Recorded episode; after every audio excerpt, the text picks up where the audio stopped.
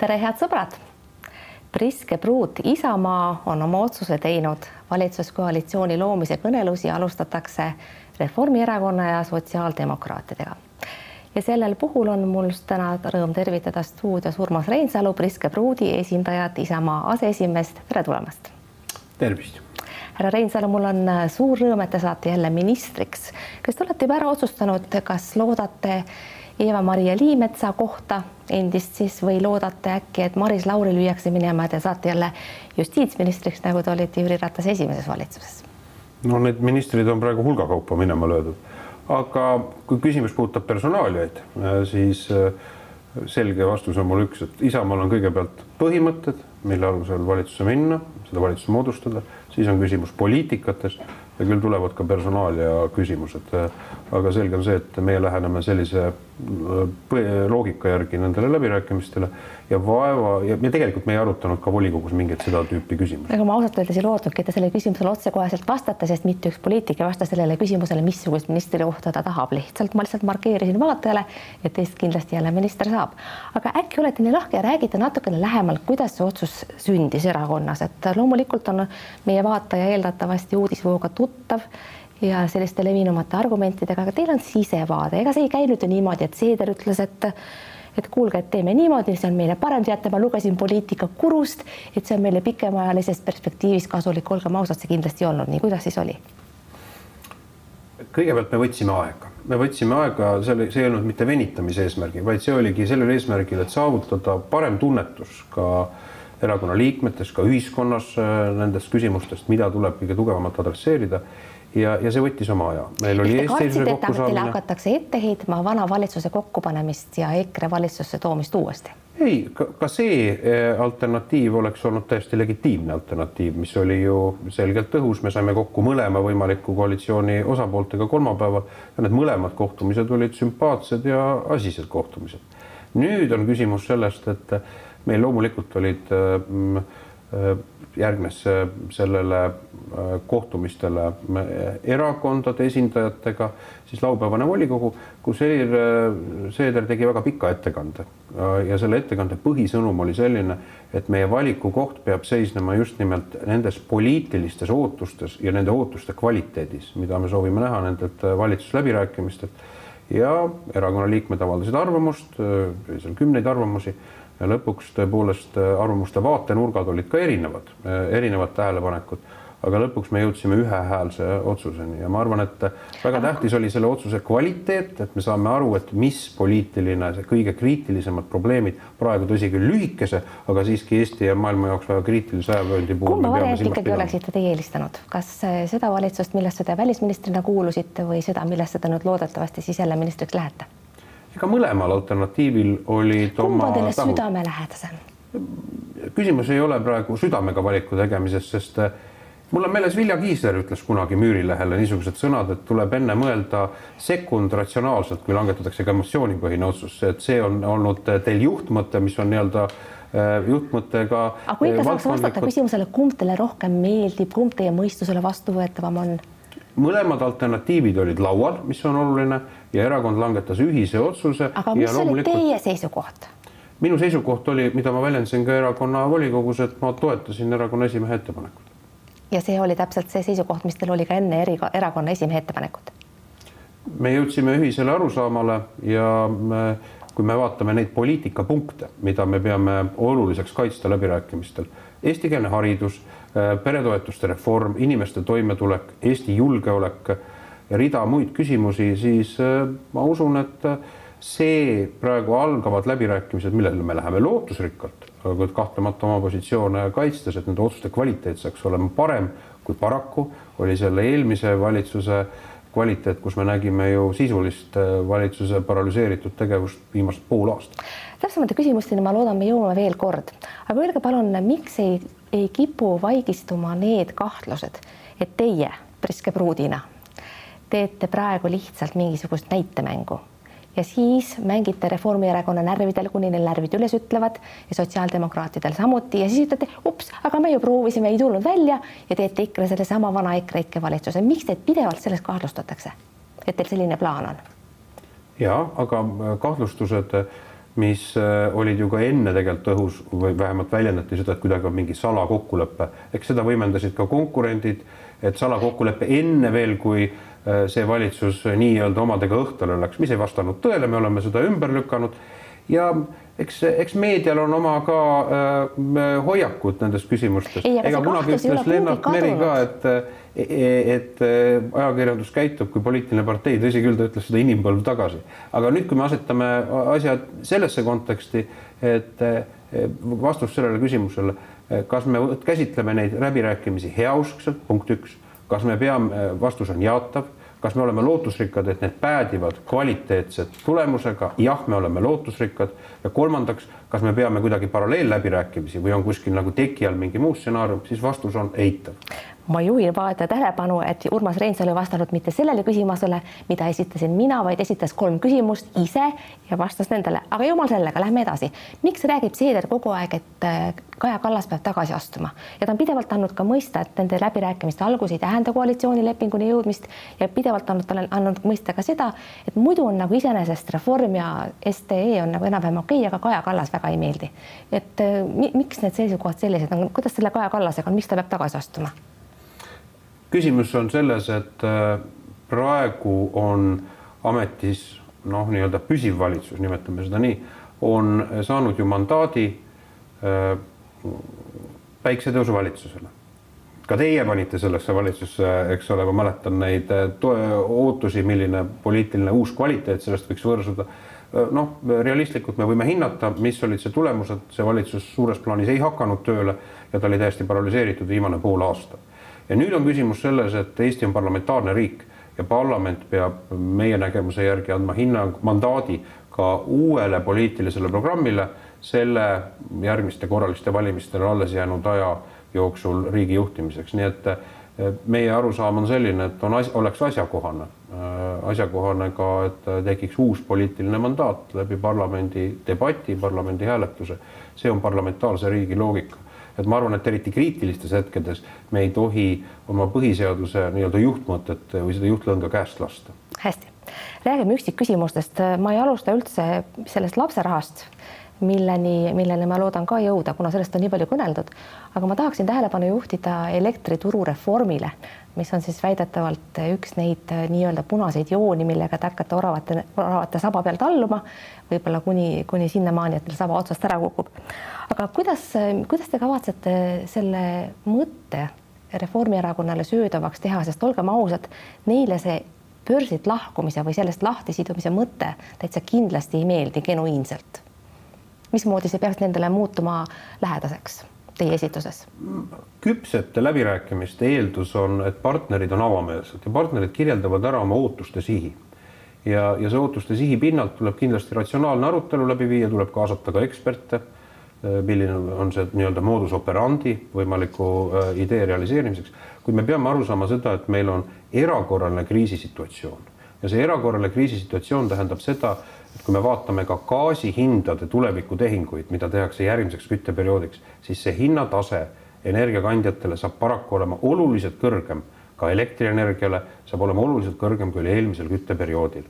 ja äh, üks asi on toetuste skeemid, mida me kindlasti peame ka mõistlikuks, et äh, eraldi toetused tuleb välja töötada. kahjuks selles vastu võetud lisaeelarves ei olnud sentigi selleks ette nähtud, aga teine aspekt on ka selles, et me ei kõnele mitte börsilt ära tulemisest eh, kui niisugusest. see börs on tegelikkuses andnud meile ka madalama hinnahorisondiga hindu. vaid te kujutate ette, et kuskil on odavam elekter kui see, mida müüakse börsil. väga lihtsat asja oma ettepanekuna. esiteks, et äh, inimestel on vaba valik, nii nagu oli pensionireformil.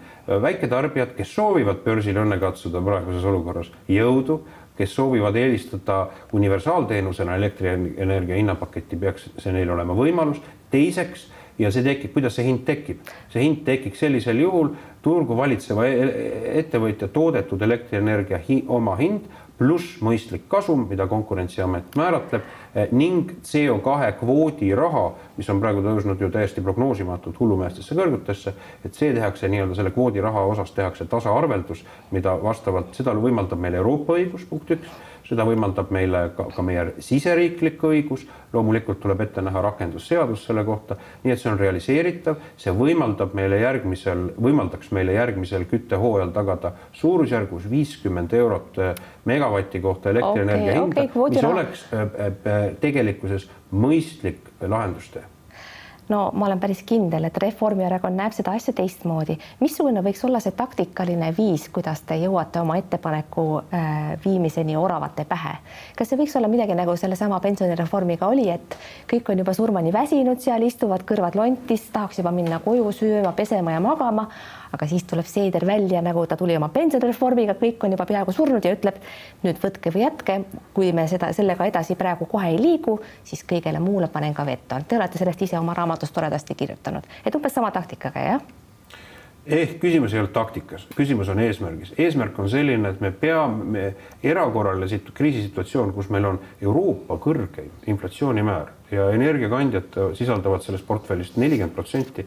ja teine tahk, mida me peame arvestama, on see, et äh, meil on, ma lasin välja võtta OECD riikide võrdlustasemed, meil on äh, väiksema sissetulekuga inimeste tulukvintiilis moodustab äh, suurima osa Euroopa riikidest, siis toiduained ja energia, noh siis eluasemega seotud kulud ja see tähendab seda, et see hinnatõus lööb kõige valusamalt, palju rohkem kakskümmend protsenti just nimelt väiksema sissetulekuga inimesi.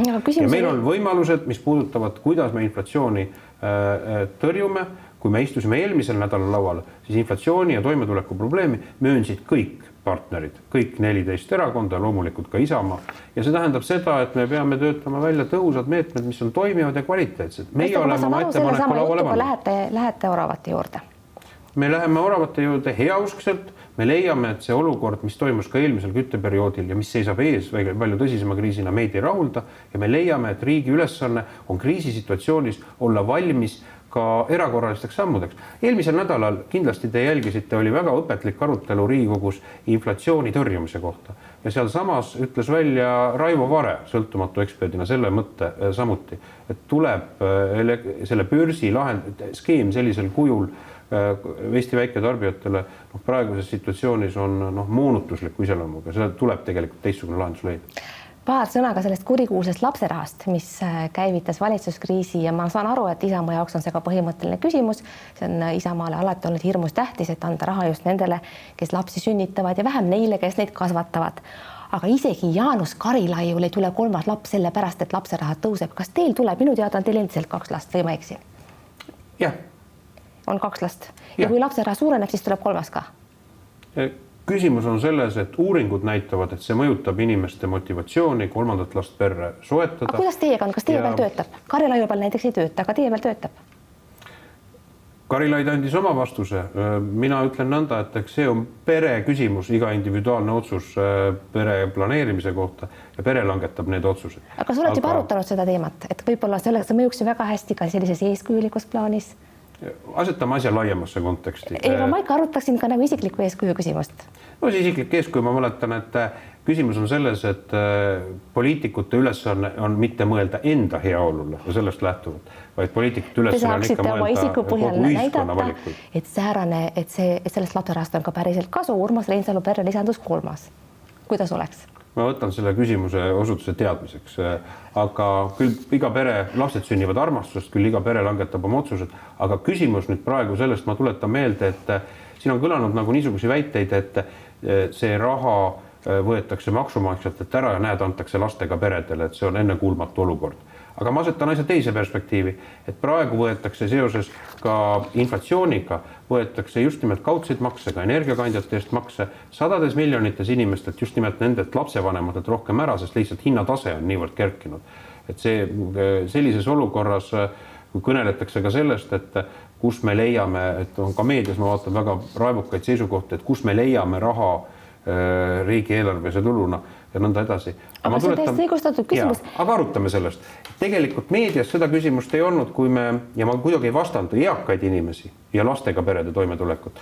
aga kui esi, võeti vastu otsus ka selle ametis oleva koalitsiooni poolt keskmine pension tulumaksuvabaks viia või pensione tõsta, mis on väga õiged ja mõistlikud toimetulekut äh, parandavad sammud eakatele inimestele, kuid ka seda tehti tegelikkuses täiesti riigieelarve strateegia väliste otsustena või samamoodi ajakirjandus, näiteks ma vaatan veidike olete vait eh, selle koha pealt, mis puudutab näiteks ajakirjanduse käibemaksu või selle alandamist. härra Reinsalu, ärme kaldu, ma räägin kõrvale. ei, ma ei kaldu kõrvale, ma räägin, et ärme oleme nii-öelda eh, ühetaolised nendes küsimustes. loomulikult on selge sellest, et maksumaksja rahast tahaks siiski rääkida ja mul on teile ette panna tegelikult päris hea eh, vaataja küsimus, mis on tulnud Facebooki kaudu, sest varem või hiljem te peate makse tõstma kui tahate maksumaksjale raha jagada, maks tuleb tõsta, see on täitsa selge ja vaataja küsib, kas tahaksite oma kakssada kaheksakümmend viis miljonit kokku saada aastas näiteks niimoodi, käibemaks praeguselt protsendilt, praeguselt kahekümnelt kahekümne kolmele, tulumaks kahekümnelt kahekümne neljale näiteks või peaks näiteks aktsiise tõstma kolmkümmend protsenti kõrgemaks? ei tea, kes see vaataja oli? ei oska praegu kahjuks nime öelda või võite Facebookist ise järele vaadata meie saate reklaamist. arusaadav aga vaatajale ma ütlen, et. missugune variant teile meeldib? kindlasti Isamaa ei toeta maksutõuse, eriti praeguses kriitilises olukorras, selle järgi ei ole vajadust. küsimus sellest, et kas need täiendavad rahalised otsused riigieelarvest tuleb katta, loomulikult need tuleb riigieelarvest katta, kuhu riik, kust riigieelarvesse tuleb tulu, tuleb tulu loomulikult ettevõtlusest ja inimeste maksudest, mis on oluliselt kasvanud, kui me vaatame aprilli ülelaekumisi kuusteist protsenti näiteks. härra Reinsalu, küsimus on ju laiemas perspektiivis, teie räägite praegusest hetkest, aga riigimeestelt me eeldame, et nad vaatavad mitte ette mitte ainult aasta või üks valimisperiood, vaid kümme ja viisteist aastat. juba järgmisel aastal te hakkate kõik maksudest rääkima, juba enne valimisi hakkate. niisiis, milliseid makse tahab Isamaa tõsta, on valmis tõstma? Isamaal ei ole plaani mingiteks maksutõusudeks, vastupidi, me oleme erinevatest koalitsioonidest iga, kõiksuguste Te pärast valimisi enam valitsusse saada ei taha, ma saan aru, jah? kui selle tingimuseks on mingisugune ohjeldamatu maksuralli, siis kindlasti see ei ole Isamaale vastuvõetav mm. -hmm. nii et makse ei tõsta, jah? võtan sõnast. ja äh, Isamaa ei ole maksu tõstmise sõber kuidagiviisi, vastupidi, nendes valitsustes, kus me oleme olnud, on makse langetatud, noh, summa summarum hästi, millal siis uus valitsus kokku saab? ma saan aru, Seedril on muidugi aega kõrini ja Kaja Kallasel on hästi vähe. kuidas oleks jaanipäevaga? ma arvan, et venitada igal juhul ei taha ja see on olnud ka Helir-Valdor Seederi sõnum, et äh, me peame liikuma venitusteta. Äh, ja teiseks me peame tagama selle, et need otsused oleks kvaliteetsed. et piltlikult siis... öeldes, kui me leiame ühisosa äh, nii, kus kõik partnerid leiavad, et nende põhimõtted on kvaliteetselt kajastatud siis see võib olla äkki tundidega, eks see võib olla ka. juba lausa täna, juba homme. no retooriliselt ma ütlesin seda. kui selguvad mingisugused probleemid ühel või teisel partneril või näiteks on vaja, ka seda on juhtunud ja küllap ma ennustan, juhtub ka nendel kõnelustel, et vaja on kaasata ka eksperte rahandusministeeriumist, majanduseksperte, et teha mingid arvutused, mingisugused mõttekäigud, kuidas õiguslikult ühte või teist küsimust lahendada, siis äh, tuleb ka see aeg võtta. fakt on see, et täna algavad kell neli läbirääkimised ja. ja sealt hakata alles plaane tegema. no ma arvan, et küllap me puudutame ka sisuküsimusi ja sealt hakkame edasi liikuma. kõigepealt tuleb astuda esimene samm.